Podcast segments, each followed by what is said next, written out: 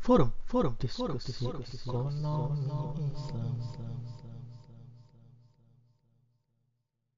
Forecast Islamic Economics on your podcast. Ya, terima kasih. Suara saya terdengar ya? Terdengar Bapak? Bismillahirrahmanirrahim. Assalamualaikum warahmatullahi wabarakatuh.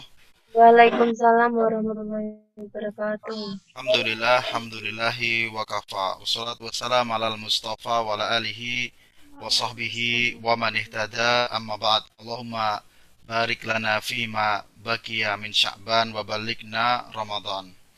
Alhamdulillah, eh, rekan-rekan sekalian yang dimuliakan Allah Subhanahu wa taala, wabil khusus kepada Pak Muhammad Ta'in selaku Kaprodi Ekonomi Syariah yang juga tadi sudah memberikan keynote speakernya jazakallah khairan jaza Turnuan Ta'in semoga sehat selalu kabarnya. Alhamdulillah Ustaz. Eh, pada kesempatan malam hari ini kita sebenarnya dalam kesibukan luar biasa ya menyambut bulan Ramadan dan teman-teman di AS masih menyempatkan diri untuk belajar, untuk saling mengingatkan, saling menguatkan, khususnya dalam bahasan tentang fikih muamalat, eh, sesuai dengan yang tadi dikatakan ya, bahwa nanti ketika eh, masuk di lapangan nyata dunia ekonomi syariah akan berhadapan dengan banyak sekali peluang, tetapi juga sekaligus tantangan sehingga tidak ada cara lain kecuali masa-masa uh, belajar harus dioptimalkan untuk menambah bekal, menambah bekal, termasuk dengan pelatihan-pelatihan semacam ini. Walaupun kalau dari jujur dari judulnya uh, tentu berat kalau harus diselesaikan dalam 40 menitan ya, karena uh, pelatihan advance tentang fikih muamalat saya pernah mengikuti tahun 2000 10 atau 2011 itu membutuhkan waktu dua hari. Kalau kemudian dalam uh, satu sesi ini kita harapkan adalah melihat fenomenanya dan bagaimana kita bisa mengambil pelajaran dari fenomena aplikasinya di lembaga-lembaga keuangan syariah. Saya yakin pasti teman-teman juga sudah mempelajari banyak hal terkait fikih muamalat, maka sesi ini kita akan mengoptimalkan tentang realitas uh, aplikasinya dan catatan-catatannya sehingga kita mempunyai gambaran tentang bahwa uh, pekerjaan masih besar, masih banyak tadi sudah disebutkan oleh Pak Toin ya bahwa sebagai yang mempelajari ekonomi syariah secara khusus kita mempunyai pekerjaan rumah yang masih besar, pekerjaan rumah yang masih panjang, tetapi juga harus tetap optimis ya tidak boleh kita uh, pesimis dalam masalah ini. Oke, saya share screen dulu. Sudah terlihat ya? Acungkan jempol kalau sudah terlihat. Oke. Terima kasih. Jadi kita mulai dari ini sudah tadi sudah disebutkan, kita mulai dari terkait tentang kenapa sih kita menjadi penting kita menjadikan fikih muamalat sebagai standar di dalam operasional dan aplikasi keuangan syariah. Dan kenapa ini menjadi harus dikuatkan terus? Kenapa harus diingatkan terus? Kalau di dalam Al-Qur'an jelas disebutkan wa khuliqal insanu dha'ifa. Manusia itu dalam kondisi lemah. Maka kadang-kadang semangat, kenceng habis pelatihan, nanti bisa jadi di dunia kerja, di dunia nyata ada banyak godaan-godaan yang menjadikan kembali melemah maka sangat sayang sekali ya kalau sarjana ekonomi syariah kemudian lemah di dalam aplikasi apalagi karena menjawab permasalahan di lapangan. Ini sudah menjadi rahasia umum. Banyak sekali yang kemudian ketika masuk dunia kerja menjadi tidak idealis, bahkan bisa juga mm, ikut mengembangkan ekonomi ekonomi konvensional tentu itu kurang tepat sekali. Nah, memang ada banyak tantangan di sekitar kita. Kenapa kita perlu menguatkan? Karena memang posisi ekonomi syariah sendiri, baik dunia perbankan syariah maupun secara umum ada namanya industri keuangan non non bank syariah dan ada juga namanya pasar modal syariah.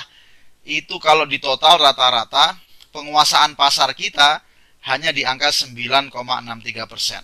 Yang bank syariah itu hanya 6 persen dan ini pun kita syukuri karena sebelumnya sudah sejak bank muamalat pertama kali berdiri tahun 91 itu tetap saja angkanya 5 persen. Jadi kalau sekarang pandemi katanya kata Menteri Keuangan e, Ibu Sri Mulyani katanya pandemi ini keuangan syariah menjadi kokoh. Makanya sampai bisa di angka 6% lebih market share-nya setelah 30 tahun di angka kurang dari 5%. Jadi kenapa ini menjadi perenungan di awal? Karena karena inilah kemudian kita berhadapan dengan banyak masalah terutama terkait aplikasi fikih muamalat yang kemudian semakin lemah. Kenapa? Karena tantangannya terlalu besar.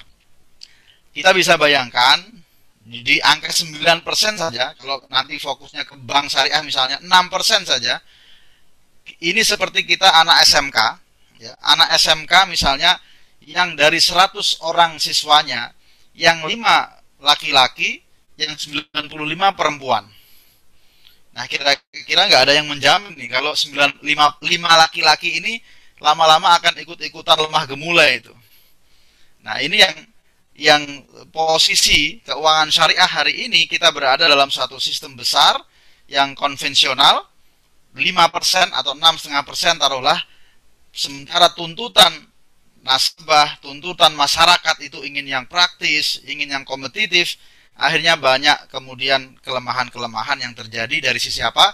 Dari sisi aplikasi fikih muamalat.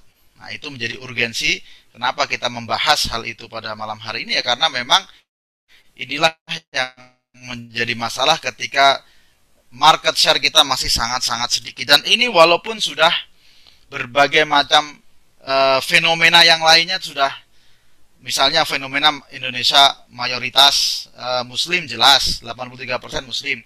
Tetapi tidak dari sisi keuangannya.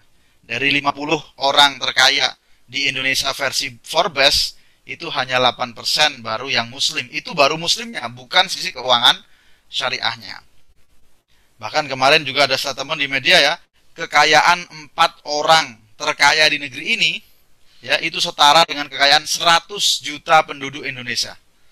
Jadi bisa dibayangkan ya, hanya empat orang terkaya kekayaannya sudah melebihi 100 juta atau berarti hampir 40% dari penduduk Indonesia. Nah, dari sinilah kita tahu betapa beratnya dan inilah yang sudah diingatkan di dalam hadis bagaimana Rasulullah SAW mengingatkan bahwa akan ada pada satu masa di mana ketika itu semua orang akan terkena dampak riba, terkena efek riba, terkena pengaruh riba, ya. Bahkan yang tidak secara langsung menikmati atau berinteraksi tetap akan terkena debunya. Jadi kira-kira ini sesuai ya dengan tadi apa yang kita katakan market share baru di angka 9%, 5%, 6% itu mungkin sekali akan kecipratan debunya. Maka tugas para uh, jadi kalau ekonomi syariah bukan hanya pegiat ekonomi syariah, tapi pejuang ekonomi syariah tugasnya adalah benar-benar untuk berupaya membersihkan dari hal-hal yang bisa jadi terkena debu-debu ribawi itu. Makanya Umar bin Khattab beliau melakukan standarisasi pedagang. Jadi beliau keliling pasar di Madinah, lalu kemudian beliau melakukan inspeksi pasar, melihat standarisasi, kalau bahasa sekarang ya sertifikasinya ada nggak? Sertifikasi kompetensi fikih muamalatnya ada nggak? Kalau nggak ada, dilarang berdagang. Beliau mengatakan la bai'a fi suqina hada illa man wa illa akala riba rodiya am aba. Nah, inilah kondisi kita hari ini ya. Kemungkinan banyak orang yang terjebak dalam skema ribawi tetapi dua hal. Bisa jadi karena memang dia tahu dan sengaja karena memang kebutuhan motif ekonomi ya menyerah dengan kondisi itu ada juga. Tetapi ada juga yang tidak sengaja karena tidak sadar karena tidak mengupgrade keilmuannya di dalam masalah fikih muamalat nah ini yang harus kita benar-benar berhati-hati dua-duanya sama-sama jelek ya kita sengaja juga berbahaya sekali, tidak sengaja juga itu satu hal yang sangat-sangat memprihatinkan. Apalagi kalau itu dilakukan oleh seorang mahasiswa ekonomi syariah misalnya e, tidak sengaja terjebak dalam satu skema ribawi karena tidak memahami misalnya. Tentu itu menjadi satu aib yang memprihatinkan. Nah, kita review sejenak ya. Kenapa e, menjadi penting senantiasa pembahasan fikih muamalat? Karena kalau bicara tentang e, riba itu tentu urusannya dunia dan akhirat kita. Keberkahan di dunia tercabut, di akhirat terancam dengan delik-delik. Kita ingat salah satu bahaya riba dijelaskan dalam peristiwa Isra Mi'raj ketika Rasulullah SAW melihat bagaimana siksaan siksaan e, ahlu neraka. Dan juga kita diingatkan oleh Rasulullah SAW bahwa setiap daging yang tumbuh dari yang halal, yang haram, fanaru aula biha. Neraka akan lebih layak baginya. Ini kalau orang ekonomi bisa ngeles ya. Jadi kalau begitu yang yang tidak boleh adalah kalau uang riba kita makan. Kalau begitu boleh kalau beli pulsa mungkin ya. Boleh kalau untuk uh, bayar listrik misalnya, tentu tidak ya. Ini sesuatu yang salah kaprah ya. Ini adalah hadis untuk menunjukkan bahwa betapa banyak memang konsumsi eh, ribawi itu uh, atau mata uang ribawi itu masuknya ke pos konsumsi. Tapi yang dilarang semuanya. Sebagaimana dalam hadis ya, la yazalu qadama abdin yaumal qiyamah hatta yus'alu an arba. Tidak akan melangkah kaki seorang hamba di hari kiamat sampai ditanya tentang dua empat hal. Salah satunya adalah terkait audit syariah. Apa itu audit syariah? Tentang hartanya, yaitu min aina iktasabaha, dari mana didapatkan, wa fima anfaqaha, dan ke mana membelanjakan. Jadi ini juga menjadi hal yang, jadi kalau ada yang belajar akuntansi syariah ya, kalau ada yang mengatakan debit kredit sejak kapan, Bahkan hadis Rasulullah sudah mengungkapkan skema dua jalur itu ya. Dua jalur dan dua lajur itu. Yaitu dari mana didapatkan dan ke mana membelanjakan itu akan diaudit. Nah yang menjadi masalah adalah teman-teman sekalian betapa uh, skema ribawi ini menjadi suatu tantangan bagi kita yang harus kita hindari karena apa? Karena tidak mungkin orang melakukan riba itu sendirian. Pasti ada skemanya, pasti ada akadnya, bahkan pasti ada mungkin pendukung-pendukungnya. Maka ini yang menunjukkan kita perlu menguatkan kembali pemahaman kita. Makanya Rasulullah SAW ketika memberikan catatan tentang dosa riba, beliau tidak hanya melaknat satu orang, tetapi juga banyak stakeholdernya. Dari mulai pemakan ribanya, akilir riba, wa mukilahu, nasabah yang menyetorkan, ya, bahkan dari mulai katibahu bisa jadi notarisnya wasyahidaihi dua saksinya semuanya hum sawa semuanya berserikat mempunyai uh, mempunyai porsi masing-masing dalam dalam dosa. Maka sekali lagi kita bicara memerangi riba karena itu adalah sistem. Ya itu adalah sistem dan dimulai dari pemahaman kita. Itulah yang hari ini kita kita kita kita uh, uh, hadapi ya. Bagaimana masyarakat kita melihat kalau ini dari OJK ya, beliau eh, mereka mengatakan bagaimana tantangan industri keuangan syariah. Ada yang mengatakan produknya kurang inovatif, kualitas SDI. Nah, ini tantangan juga bagi teman-teman di AAS ya, kualitas SDI-nya kurang, dukungan kebijakan pemerintah kurang. Ini kalau kita mereview bagaimana eh, kredit usaha rakyat ya, dari jumlah yang begitu besar ternyata semuanya atau sebagian besar, taruhlah kira-kira di angka 90-an persen, 90 persen, itu diturunkan melalui skema konvensional, melalui lembaga keuangan konvensional. Keuangan syariah menjadi di anak terikan. Kenapa? Karena memang ekonomi syariah itu bukan di Indonesia bukan seperti Malaysia yang top down ya. Di Indonesia benar-benar bottom up ya dari BMT BMT dari koperasi syariah kemudian menjadi perbankan syariah dan seterusnya. Tapi yang menarik adalah yang paling kanan bawah ini ya. Ini adalah asumsi yang menyakitkan sebenarnya bagi kita mungkin yang menjadi praktisi ekonomi syariah ketika dikatakan bahwa bank syariah sama saja dengan konven, koperasi syariah sama saja dengan konven tadi bahkan lebih mahal, betul. Ini sudah banyak ya, hal-hal semacam ini di masyarakat kita sudah banyak mengatakan hal itu maka ini adalah suatu hal yang memprihatinkan tetapi sekaligus tantangan. Apalagi kalau ada kata-kata sama dengan konven sama ini bisa jadi adalah dianggap juga tadi e, melakukan hal-hal yang ternyata sebenarnya tidak syar'i atau ternyata sama ada ada bunganya, ada ribanya. Nah, inilah yang kemudian muncul ada yang mengkritisi, ada yang mengamati, ada yang menulis buku tentang kritik ini. Satu sisi tentu ini adalah bagian dari evaluasi, tidak ada masalah, tentu kita sebagai pegiat ekonomi syariah juga harus menerima kritik, ya, tapi sekaligus juga tantangan, ya, tantangan bahwa kita perlu memberikan penjelasan. Jadi jangan-jangan ya ini kenapa marak e, kampanye anti riba misalnya kebanyakan dari XX e, perbankan atau bankir mereka mengkampanyekan anti riba dan kemudian bahkan mengatakan bank syariah nggak syari kan jadi satu hal yang agak unik sebenarnya ya. Kalau dulu orang bertanya, Ustadz bagaimana hukumnya bekerja di bank? Kalau sekarang tanyanya, Ustadz bagaimana hukumnya bekerja di bank syariah? Coba. Jadi kan satu hal yang yang yang cukup unik ya tantangan yang perlu kita jawab dengan apa? Dengan bukti ya. Jadi kalau kita bicara standar apa sih standar? Kenapa ada orang mengatakan oh bangsa ada nggak riba? Eh bangsa bangsa itu ribawi misalnya mengandung riba maka ya kita harus jujur bahwa kita butuh standar kalau begitu kita butuh standar. Nah, standarnya adalah fatwa DSN MUI. Maka ini menjadi penting karena apa? Kalau kita bicara fikih muamalat nanti, mau kita berbusa-busa pasti ada pendapat yang berbeda. Mau kita berbusa-busa pasti ada yang mungkin mengatakan, ah itu nggak boleh, ah itu cuma strategi, ah itu cuma rekayasa, ah itu cuma engineering saja.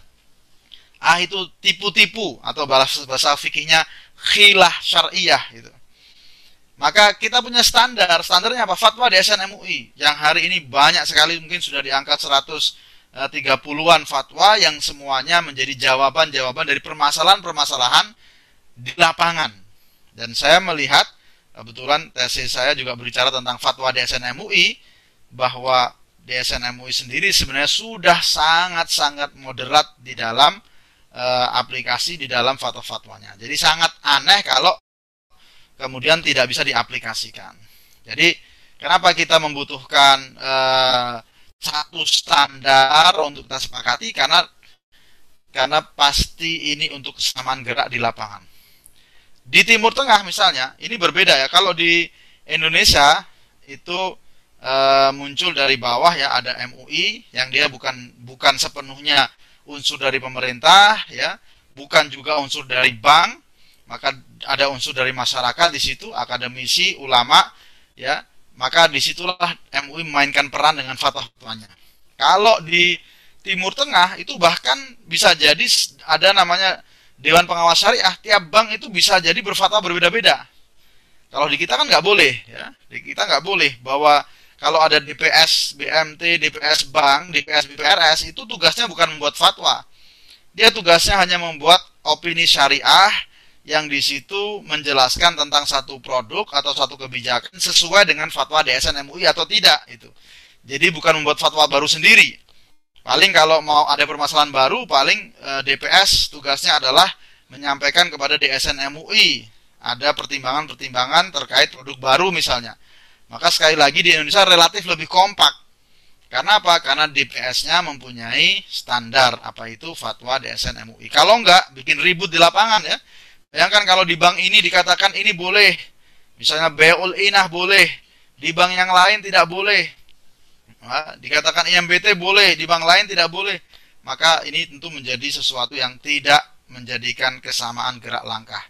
Jadi, mari kita lihat ya bagaimana e, fatwa DSN MUI harus menjadi standar. Karena apa? Di sana berkumpul para ulama kita, tokoh kita, ekonom kita yang diputuskan melalui mekanisme ijtihad jama'i masih mending ya. Jadi di sana kalau pleno ada 30-an orang, 25 orang tentu mempunyai kekuatan yang lebih kuat daripada hanya sekedar fatwa satu orang ustadz misalnya. Yang kemudian di-share di media sosial lalu kemudian viral itu. Sehingga beberapa sering kan kita ada beberapa kesempatan selalu viral terkait masalah akad dan itu barangkali basicnya ya mungkin hanya awalnya satu pendapat ustadz ya bukan fatwa satu lembaga misalnya. Dan ini ya kemarin seperti viral juga kan masalah bagaimana uh, mewakilkan di dalam donasi.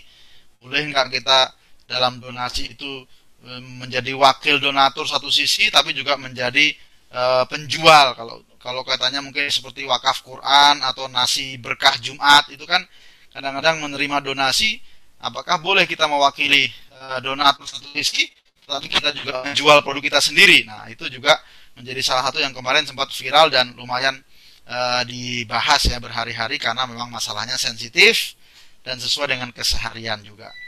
Nah, setelah ini semua, kita punya standar dulu, kita tahu urgensinya, maka kita bisa lihat ya, bagaimana prinsip um, umum dalam aplikasi uh, fikih muamalat dan uh, saya yakin ya sudah banyak hal yang kita bahas dalam masalah ini dan nanti materi lebih lengkap silahkan di-share. Saya ingin juga mungkin lebih baik ada eh, diskusi-diskusi uh, yang yang yang lebih produktif dan menjawab tentang permasalahan terkini di lapangan. Walaupun kalau biasanya bukan e, praktisi, mungkin per, e, pertanyaan pertanyaannya mewakili pertanyaan-pertanyaan gambaran di masyarakat ya.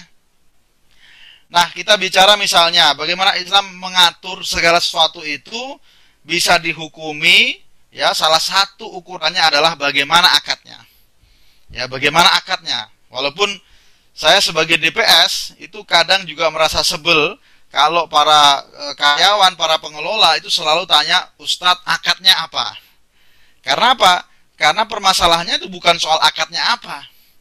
Ya, oke lah, misalnya ada uh, nasabah, ada anggota membutuhkan barang produksi, misalnya uh, mesin jahit misalnya. Nah, tentu akan mudah kita bilang, oh itu murabah. Tapi apakah selesai di situ? Apakah hanya cukup akadnya murabahah kemudian selesai masalah? Tidak. Makanya di dalam ayat kan dikatakan ya ayyuhalladzina amanu aufu bil ukut. Aufu itu ya sempurnakanlah. Jadi bukan hanya namanya yang penting murabahah, yang namanya yang penting musyarakah, namanya yang penting ijarah, tapi nggak sempurna akadnya. Maka yang disebut dengan disempurnakan akad itu ya harus kita pastikan bahwa semua akad itu bukan hanya judulnya saja, tapi bahwa kontennya juga ada bahwa rukun-rukun akadnya terpenuhi, syarat-syaratnya terpenuhi. Itulah aufu bil akad, bil ukut. Itulah sempurnakan, menyempurnakan akad. Jadi yang menjadi kalau di sebagai DPS ya, kalau saya audit syariah, itu memang salah satu yang kita tekankan adalah akad karena betapa banyak lembaga keuangan syariah yang dia bicara sistemnya, yang penting ada SP3 pencairan ya, yang penting ada jaminan selesai. Lah, kalau begitu apa bedanya dengan kita konvensional atau bahkan apa bedanya dengan para rentenir yang di pasar besar itu kalau bicara jaminan saja. Maka bahwa menyempurnakan akad itu adalah bagaimana kemudian bukan hanya akadnya apa, tetapi tata laksana akadnya seperti apa. Rukun, akad, dan syarat akadnya dipenuhi atau tidak. Jadi eh, kita bicara ya kalau eh, bagaimana di dalam ini ini ini ini rukun dan syarat akad secara umum ya. Karena nanti ada syarat-syarat teknis akad-akad lain yang tentu membutuhkan juga penjelasan lebih lanjut tentang uh, baik pelaku akadnya, objeknya maupun ijab kabulnya. Jadi kalau kita bicara bagaimana akad di dalam kontrak uh, fikih muamalat, setidaknya memang harus memenuhi tiga hal ini. Misalnya pelaku akad harus jelas, tidak boleh dari golongan yang anak kecil, goiru mumayis, tidak boleh dari mereka yang juga mempunyai uh, tidak mampu uh, mem mem memenuhi syarat secara ahliyah maupun secara wilayah apalagi kalau orangnya memang tidak mempunyai kewenangan. Nah, ini juga tidak tidak tidak memiliki kesempurnaan akad. Misalnya uh, kalau kita bicara bersederhana ya, misalnya ada seorang broker yang dia menjualkan tanah atau rumah punya orang tetapi dinaikkan harganya tanpa kesepakatan terlebih dahulu ya tanpa ada e, tanpa ada perjanjian atau tanpa ada persetujuan lebih dahulu maka dilihat kon konteks itu berarti dia melakukan satu jual beli yang mengatasnamakan dia seolah-olah pemiliknya misalnya. Maka ini juga menjadi pertanyaan dan bisa jadi akadnya itu menjadi akad yang mualak ya. Berhenti dulu bergantung dulu. Ini contoh ya kalau kita bicara contoh itu banyak banget ya. Tapi intinya bahwa setiap uh, rukun dan syarat ini, setiap rukun ada syaratnya dan itu harus disempurnakan. Ya, objek, kemudian ijab kabul dan ini tadi sudah disebutkan oleh Pak Toin ya bagaimana prinsip-prinsip dasar akan muakat, mu, uh, muamalat ada kebebasan, ada keadilan, ada pencatatan. Nah, ini yang penting ya, bahwa pencatatan itu bukan sembarangan. Hari ini yang disebut pencatatan itu ibromul akad yang menunjukkan semua itu adalah kalau pencatatan ya kita ya kita lihat maksudnya adalah akadnya. Akad tertulisnya seperti apa. Nah, teman-teman sekalian, kalau ada yang bertanya apakah syariah dan konven sama saja, ya perlu kita jelaskan ya. Perlu kita jelaskan walaupun uh, secara kesan saya yakin ya pasti uh, orang yang mengatakan seperti itu ya pasti sebenarnya juga mungkin belum memahami sepenuhnya. Tetapi bisa juga karena memahami lalu mengkritisi seperti itu itu juga sesuatu yang boleh-boleh saja ya. Kalau ini kita sederhanakan apa sih bedanya uh, konven dan syariah? Beda banget gitu ya.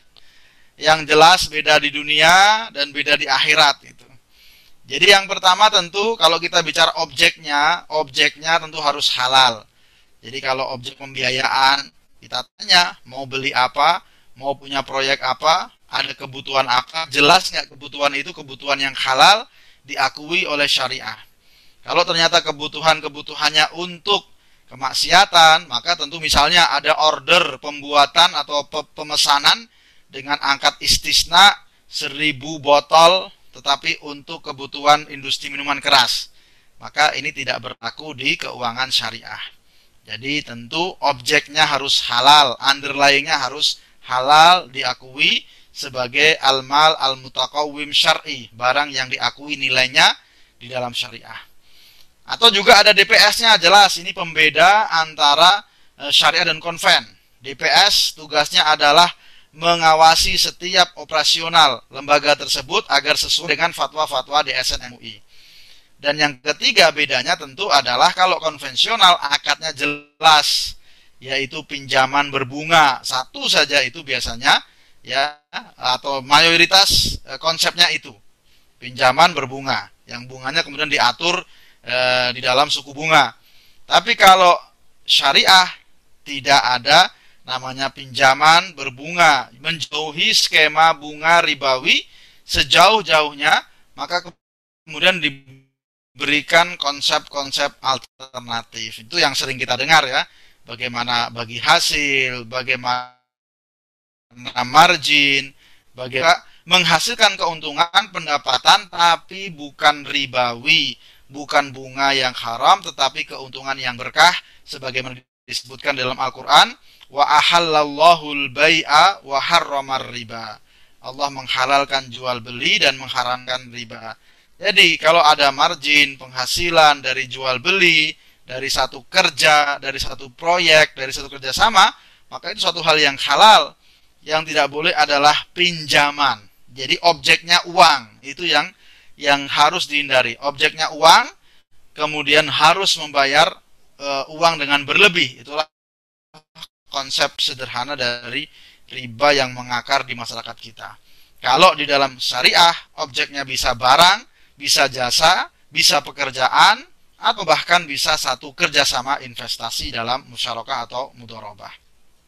Maka ini yang kalau kita menggambarkan apa sih akad-akad fikih muamalat itu yang nggak jauh-jauh yang kita lihat ini e, tiga sektor ini ya setidaknya itu yang menjadi acuan banyak tempat di lembaga keuangan syariah, terutama tentu seperti e, lembaga keuangan syariah di bidang e, keuangan, di bidang syariah misalnya atau perbankan syariah, itu nggak jauh-jauh. Ada penghimpunan dana dengan skema wadiah atau mudorobah.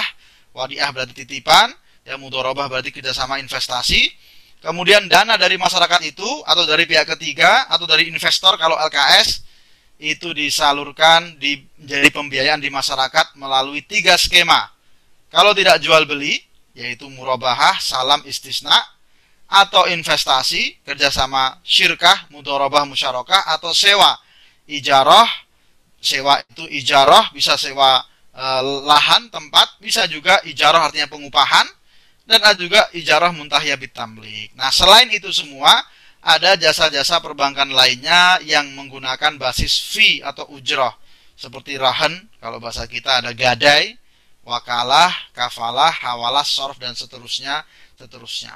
Tapi kalau e, kita jujur saja, kita lihat bagaimana perkembangan keuangan syariah itu akad yang paling populer ya memang murabahah. Murabah populer kenapa? Ya karena menjanjikan keuntungan yang jelas ya, halal dan jelas bisa ditagih karena menjadi piutang, beda dengan e, sistem investasi seperti mudorobah yang tentu di sini ada masalah bagi hasil, ada masalah ketidak e, ketidakjelasan fluktuasi naik turun bagi hasil, maka ini menjadi pembiayaan yang tidak populer. Jadi kalau eh, teman-teman datang ke perbankan syariah, ke e, koperasi syariah, itu pasti yang ditawarkan pertama adalah murabahah. Karena bagi mereka ini skema yang e, sangat sangat sangat renyah ya, sangat sangat populer. Tetapi pun yang populer ini tidak berarti kemudian semua dieksekusi dengan mudah. Ada yang beli barang, jelas barangnya, akadnya murabah, tapi eksekusinya SOP-nya ternyata gagal. Ternyata mereka tidak membeli barangnya, ternyata mereka e, tidak mengetahui barangnya, ternyata mereka tidak me, tidak apa namanya mengetahui apakah ada konsep khiar di situ. Maka sekali lagi di sinilah e, tantangan bagi kita untuk lebih memahami fikih muamalah dengan lebih lebih mendalam. Jadi aplikasi-aplikasinya ini saya uh, kita share ulang saja sebagai pengingatan, tapi yang nanti yang menjadi penting adalah bagaimana nilai-nilai atau rambu-rambu yang kita harus jaga. Misalnya, kalau akad penghimpunan ini jelas ya, yaitu kalau kita menaruh dana di lembaga keuangan syariah, itu pasti ditawarkan skema wadiah atau skema mudorobah. Ini kalau kita sebagai nasabah penyimpan dana. Kalau wadiah sederhananya adalah titipan, berarti memang kita hanya menitip saja untuk memudahkan simpanan, tidak ada e, persyaratan, tidak ada konsekuensi, konsekuensi apa pun, tapi mereka boleh menambahkan komisi satu pihak. Dalam arti tidak dipersyaratkan, itu boleh, ya. Tapi kalau biasanya yang dicari adalah konsep mudharabah, yaitu e, konsep kerjasama investasi sehingga yang dihasilkan oleh lembaga keuangan syariah akan di-share kembali kepada para nasabah penyimpan dana. Ini tabungan mudharabah. Jadi yang dikatakan ekonomi syariah basisnya bagi hasil yaitu sebenarnya salah satu ya salah satu dari produk e, atau skema di dalam ekonomi syariah adalah bagi hasil. Tetapi eh, skema-skema yang lain juga ada dan itu juga diakui di dalam syariah. Ini kalau bicara penghimpunan ya, dari mana dapat dananya? Skemanya apa? Yaitu kalau tidak wadiah adalah mudharabah. Bagaimana dapat dana dari e, nasabah skema akadnya dua hal ini. Silahkan eh, masing-masing e, bisa melihat ya bagaimana e, fatwa fatwa terkait masalah ini. Simulasinya jelas, misalnya seorang mempunyai dana satu satu m ya di sini, kemudian dalam waktu satu bulan dia mengatakan mudorobah mukoyadah yaitu satu bulan saja. Maka kemudian ketika dilihat dan disepakati ada bagi hasil 57% dan 43%. Ini contoh saja ya. Sebenarnya bagi hasil konsep 57 43 kayaknya agak jarang ya.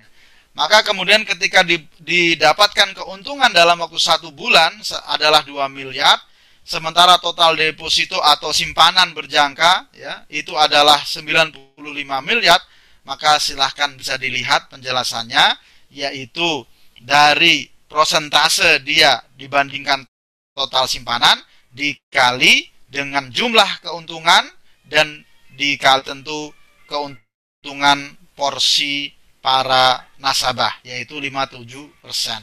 Keluarlah angka 1 12 eh, juta. Ya, ini ini ini bukan patokan ya, ini adalah simulasinya. Kalau Anda punya uang 1 M ditaruh di bank syariah kayaknya hari ini mungkin nggak nggak sampai di angka situ ya. Kayaknya nggak sampai dan nggak berani di angka situ Bank Syariah hari ini. Nah, ini adalah tentang penghimpunan. Kalau bicara kemudian bagaimana lembaga keuangan syariah itu melakukan kerjasama dengan masyarakat, dengan anggota, maka konsepnya biasanya ini yang tadi saya katakan konsep murabahah, konsep yang paling populer, konsep yang paling sederhana, konsep yang basisnya adalah wa ahallallahu al-bai'a wa harramar riba. Allah menghalalkan jual beli dan mengharamkan riba. Pekan kemarin eh, saya mengisi acara bincang bisnis di daerah Matesih sana. ada yang bertanya, Bapak ini ada brosur dari lembaga keuangan syariah. Kenapa di sini dikatakan satu juta, kemudian eh, eh, setelah saya hitung total angsurannya menjadi satu juta dua ratus. Bukankah ini yang dinamakan riba? Ya, ini untuk menjelaskan. Eh, saya jawab sekalian untuk menjelaskan skema murabah ini. Ya dengan hal yang saya yakin sudah sama-sama kita pahami yaitu saya mengatakan oh benar pak itu bisa menjadi riba kalau satu juta itu berupa uang. Jadi lembaga keuangan syariah memberikan uang satu juta kemudian bapak diminta untuk mengangsur misalnya tiap bulan 100 ribu selama 12 bulan sehingga hasil akhirnya bapak mengangsur 1,2 juta maka itu riba yang diharamkan kalau ada seperti itu tolong laporkan saya gitu karena waktu itu lembaga keuangannya saya sebagai pengawas syariahnya ya. Tapi kalau yang dimaksud dalam brosur sebenarnya tidak begitu. Karena yang dikatakan satu juta itu bukan uang nanti, itu adalah harga barang yang Bapak butuhkan. Perkiraannya, simulasinya, kalau harga barangnya itu satu juta, taruh mungkin uh, dia membutuhkan uh, gerobak, ya, dua juta lah gerobak untuk usaha. Maka kami dari pihak Eh, lembaga keuangan syariah akan mencarikan dan Bapak juga bisa menunjukkan yang seperti apa speknya, tempatnya di mana. Kami beli dengan harga 2 juta sehingga sekarang itu menjadi milik kami. Setelah itu kami jual dengan Bapak dengan skema angsuran dengan tambahan margin karena namanya jual beli ada namanya margin keuntungan. Maka inilah yang disebut dengan murabahah yaitu gerobak kita ambil 2 juta misalnya lalu kita jual lagi kepada anggota, kepada nasabah, misalnya 2.400 sesuai dengan kesepakatan dan itu menghasilkan piutang dan ini sah. Dan soal pembelian bisa jadi pembelian secara langsung atau pembelian melalui wakalah selama memenuhi syarat-syaratnya itu juga menjadi sesuatu yang yang sah. Itu. Kemudian berikutnya ya ini contohnya saja ya bagaimana e, simulasi perhitungan di dalam Eh, kasus murabahah bisa teman-teman nanti perdalam. Yang jelas ya bahwa margin itu mungkin ada yang menyamakan kok marginnya pakai prosentase misalnya. Sebenarnya margin itu disepakati nilainya ya. Walaupun kemudian bisa jadi bank, lembaga keuangan syariah punya hitungan prosentase dalam masalah ini, margin dalam masalah ini. Kalau margin tidak ada masalah karena memang dia perhitungannya adalah keuntungan. Yang menjadi masalah adalah nanti kalau bicara bagi hasil e, ternyata prosentase dari pokok itu yang menjadi masalah ya. Prosentase dalam bagi hasil harus prosentase dari e, keuntungan bukan dari pokok. Nah, kalau bicara murabahah sebenarnya isunya banyak. Makanya tadi saya katakan kita mau bedah murabahah saja itu sudah membutuhkan satu waktu yang khusus ya. Tetap e, apalagi murabahah itu menjadi pembiayaan yang sangat populer e, murabahah menjadi pembiayaan yang sangat populer dan pasti menyisakan banyak masalah ya. Karena apa? Orang bicara, oh kalau kalau beli motor bisa secara syariah. Ternyata apa yang dilakukan bukannya mereka ke lembaga keuangan syariah lalu mengatakan saya butuh motor, bukan. Kadang-kadang mereka sudah beli motor lalu baru laporan ke e, koperasi syariah atau bank syariah. Jadi apa yang terjadi? Wong orang sudah terjadi jual beli, lalu kemudian mereka semacam mengklaimkan untuk dibiayakan, maka ini menjadi masalah. Sekali lagi, kadang-kadang masalah justru ada pada uh, di lapangan ya tuntutan di lapangan. Dan inilah yang menjadikan teman-teman uh, pegiat ekonomi syariah masalah tuntutan di lapangan itu pasti ada. Kalau kita tidak luas kita tidak luas dan tidak paham maka akhirnya akan bisa disalahpahami. Jadi benar-benar tuntutan ini silahkan dikaji bagaimana fatwa-fatwanya. Yang ini semua berau tentu menjadi salah satu solusi supaya kita ekonomi syariah itu ekonomi eh, ekonomi syariah keuangan syariah itu ekonomi yang solutif menjawab permasalahan di lapangan. Tapi bukan berarti ikut-ikutan dengan tuntutan lapangan. Itu yang harus menjadi perhatian kita nah kemudian pengembangannya aplikasi murabahah pengembangannya luar e, biasa ya. Murabahah yang dulu identik dengan barang konsumtif beli mobil motor. Kalau mobil motor bukan konsumtif ya sebenarnya hari ini karena mobil motor juga menjadi salah satu uh, sarana transportasi ya yang penting untuk menunjang usaha atau aktivitas kita. Artinya barang-barang mungkin handphone lah ya, ada orang dengan handphone, ada kulkas mungkin. Itu konsumtif awalnya. Tapi kemudian beralih juga ada yang murabahnya modal usaha yaitu dia mungkin jual beli uh, mobil, ya beli mobil, jual beli beras untuk beli pembelian beras itu murabah yang untuk modal usaha jadi meningkat. Bahkan ada juga murabah emas dan ini yang tentu menjadi kontroversi ya. Karena pemahaman banyak orang tentu hingga hari ini emas tidak boleh dengan pembelian dengan sistem tunda ya, mengangsur sistem uh, berbeda uh, harganya, maka di sini terjawab dengan silahkan lihat fatwa nomor 77 ya tentang e, murabah emas. Kemudian murabah juga, ini kalau kita bicara advance-nya ya, bagaimana pengembangan aplikasi murabah. Yang awalnya sederhana, ternyata berkembang ya menjadi murabah investasi, yaitu barang-barang produksi. E, jadi orang bisa investasi tapi sebenarnya murabah. Kita kadang-kadang kalau investasi ngasih uang kayaknya ragu-ragu, ya sudah kita investasi, kita coba uh, membeli uh, barang yang itu digunakan untuk proses produksi, mesin usaha misalnya. Kemudian murabah jasa pendidikan ini masih masih jarang ya atau masih asing karena memang belum ada fatwanya. Kenapa saya tulis di sini? Karena di luar negeri sudah ada fatwanya. Jadi yang disebut murabah jasa pendidikan, murabah bukan hanya barang, ternyata ada paket-paket pendidikan dan jasa itu kan sebenarnya ya apa namanya jual beli manfaat ya jual beli manfaat. Dia jual beli juga tetapi bukan barang tapi manfaat. Itu diakui di luar negeri sudah banyak fatwanya tetapi di Indonesia belum ada secara spesifik. Kalaupun ada itu masih eh, eh, apa namanya masih isyarat saja. Jadi kalau nanti ada murabah jasa pendidikan selesai itu kan bisa dijual itu. Bukan hanya paket umroh yang bisa dijual paket pendidikan juga bisa dijual. Tapi sekali lagi ini syarat dan ketentuan berlaku ya. Bukan uh, apa belum ada secara spesifik fatwa atau hal, hal ini. Kemudian uh, selain murabahah kalau terkait dengan pembelian barang memang bank bank syariah juga menawarkan tentang adanya salam istisna uh, yaitu bagaimana progres pembelian dengan buy order ya. Dengan purchase dengan pes, dengan pesanan. Yaitu barangnya apa spesifikasinya apa kemudian dibayarkan kalau salam itu barangnya memang tinggal diserahkan saja atau memang barangnya belum ada tetapi bisa langsung diusahakan nanti entah hasil pertanian, entah eh, barang-barang e, yang sudah ready tapi kalau istisna adalah barang yang membutuhkan perakitan ya, membutuhkan penyusunan.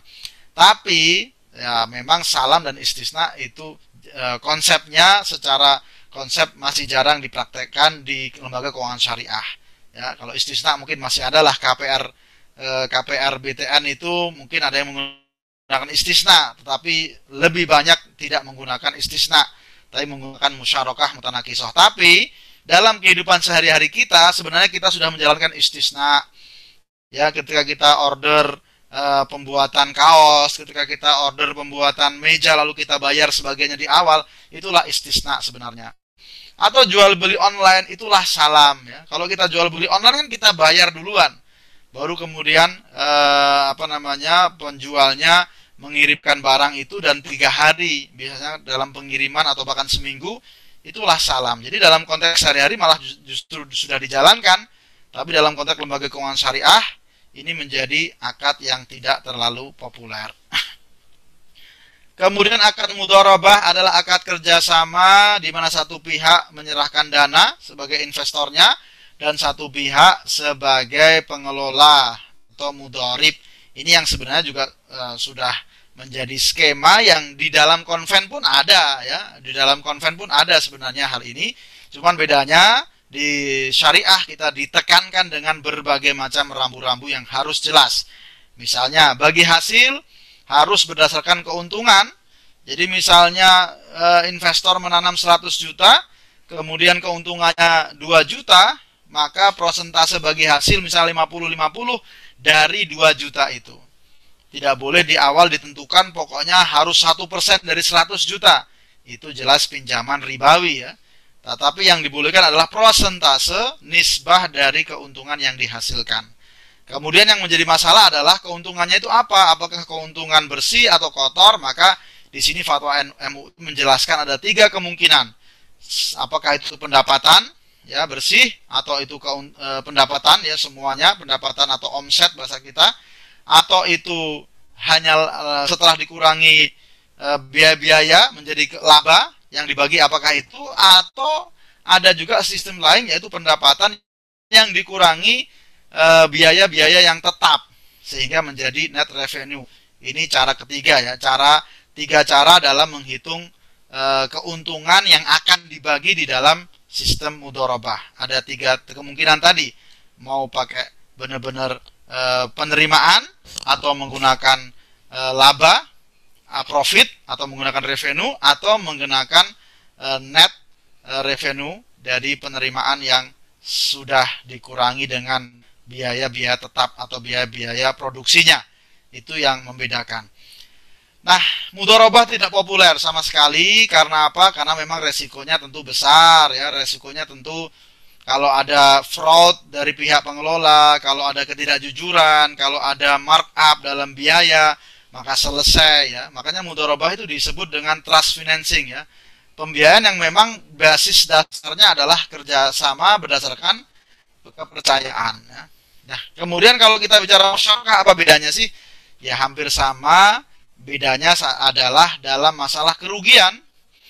Kalau mudorobah, kerugian ditanggung oleh investor ya. Pengelola tidak menanggung mudorobah ya, tidak menanggung kerugian secara dana, tapi dia menanggung kerugian secara apa? Secara cita, secara pikiran, secara tenaga. Itu mudorobah. Tapi kalau musyarakah, kalau ada kerugian dibagi sesuai porsi modal masing-masing. Nah, jadi Itulah salah satu perbedaan utama antara mudorobah dan musyarakah. Ya, kalau yang lain-lainnya lebih lebih identik. Nah, hari ini kalau kita bicara mudorobah musyarakah, pengembangannya banyak. Ada namanya musyarakah mutanakisah, ada namanya mudorobah mustarokah, ya itu pengembangan kalau kita bicara adventnya ya. Bila bisa di apa sih mudorobah mustarokah? mudorobah di mana pengelola ternyata ikut menanam dana ya di bersama sebagai investor. Jadi pada satu sisi dia investor, satu sisi dia pengelola, itu akadnya adalah mudorobah mu, e, mustarokah. Begitu pula e, kalau kita bicara musyarakah mutanakisah, itu biasanya kalau hari ini sering kali diidentikan dengan e, akad yang ditawarkan bank ketika ada nasabah anggota membutuhkan rumah atau KPR. Ya, kalau kalau dengan skema e, murabahah mungkin terlalu tidak kompetitif, maka dibuatlah skema musyarakah mutanakisah terutama karena memang e, nasabah mempunyai dana yang cukup besar untuk DP misalnya 30%.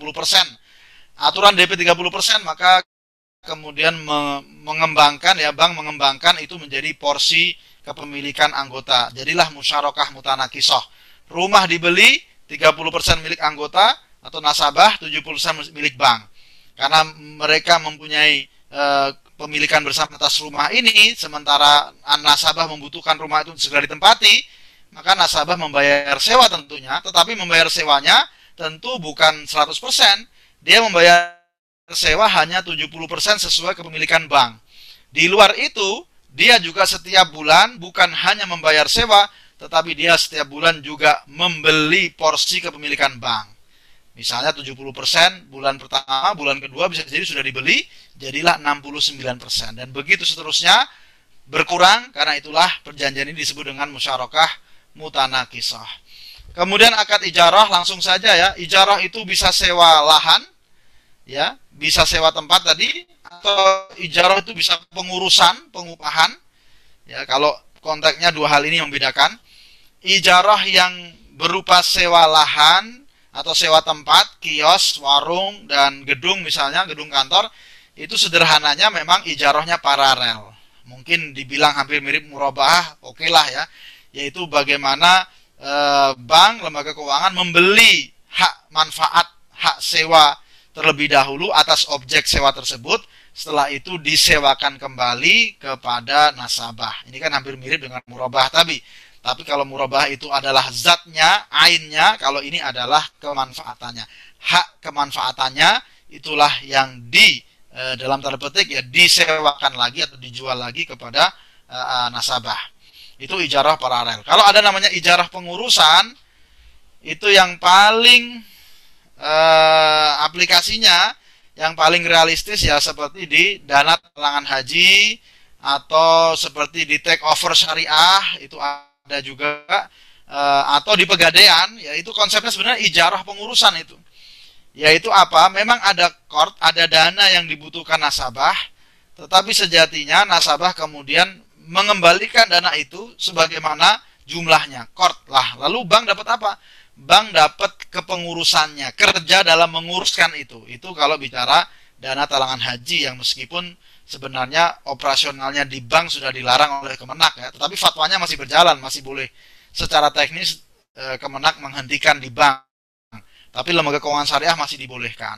Lembaga keuangan syariah yang non bank. Jadi kalau kita mau berangkat haji misalnya, kita datang ke lembaga keuangan syariah, itu pasti ditawarkan dua akad tadi. Pertama, akad court, ya pinjaman supaya kita bisa mendaftar sejumlah porsi haji 25 juta misalnya dan kedua adalah akad ijarah yaitu nasabah mempercayakan kepada bank untuk mengurus pendaftaran dan e, pelayanan lain-lain. Jadilah kemudian nasabah kortnya dibayar diangsur dan juga ijarahnya diangsur. Ini konsep ini sebenarnya berlaku dalam tadi take over syariah, bahkan dalam pegadaian.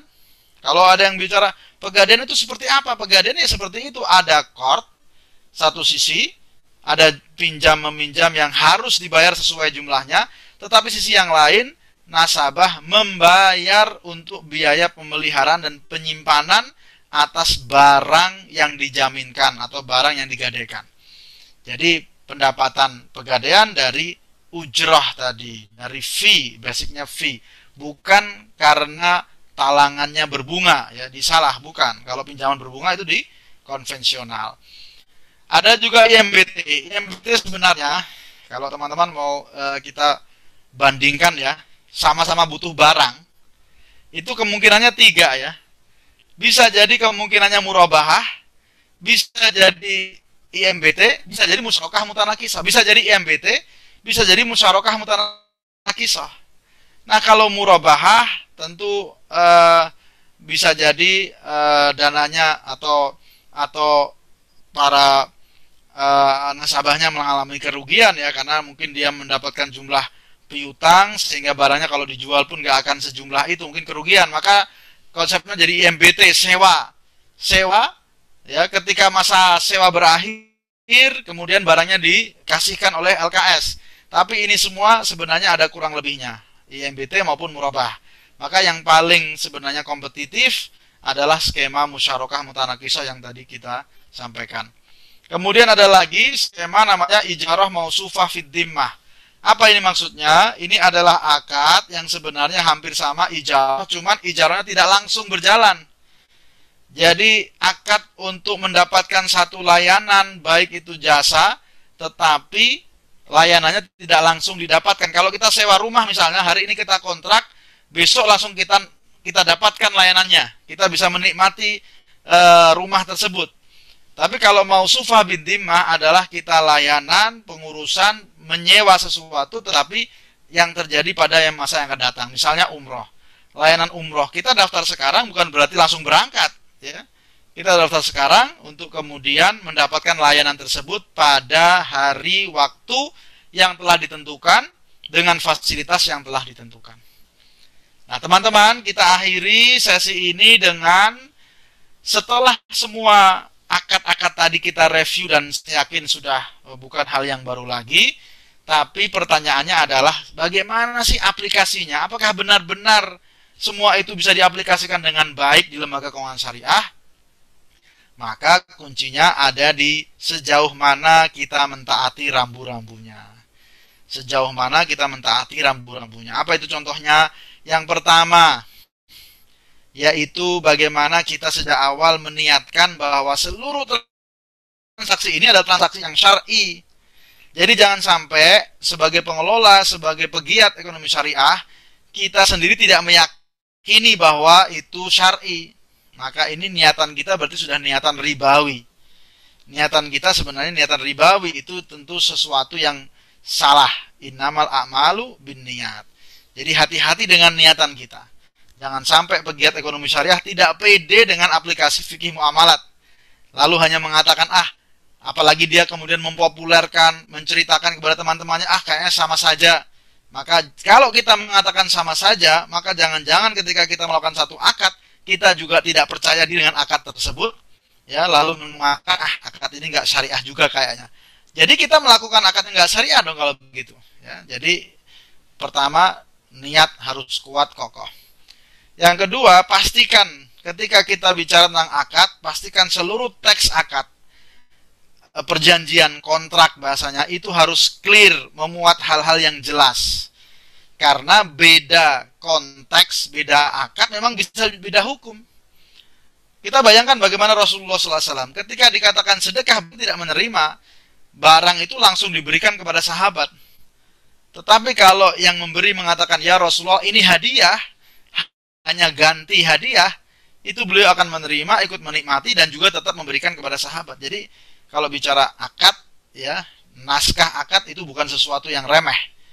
Saya bicara begini karena saya mendapati ya banyak e, aplikasi di lapangan apalagi kalau kita sudah sudah meng menggantungkan dengan skema hari ini pembiayaan fintech ya. Kita pembiayaan digital aja bisa.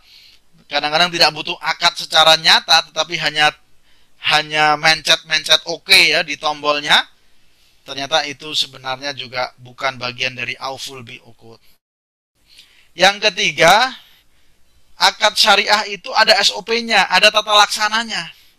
Jadi teman-teman jangan terjebak nanti hanya bicara akadnya apa, enggak.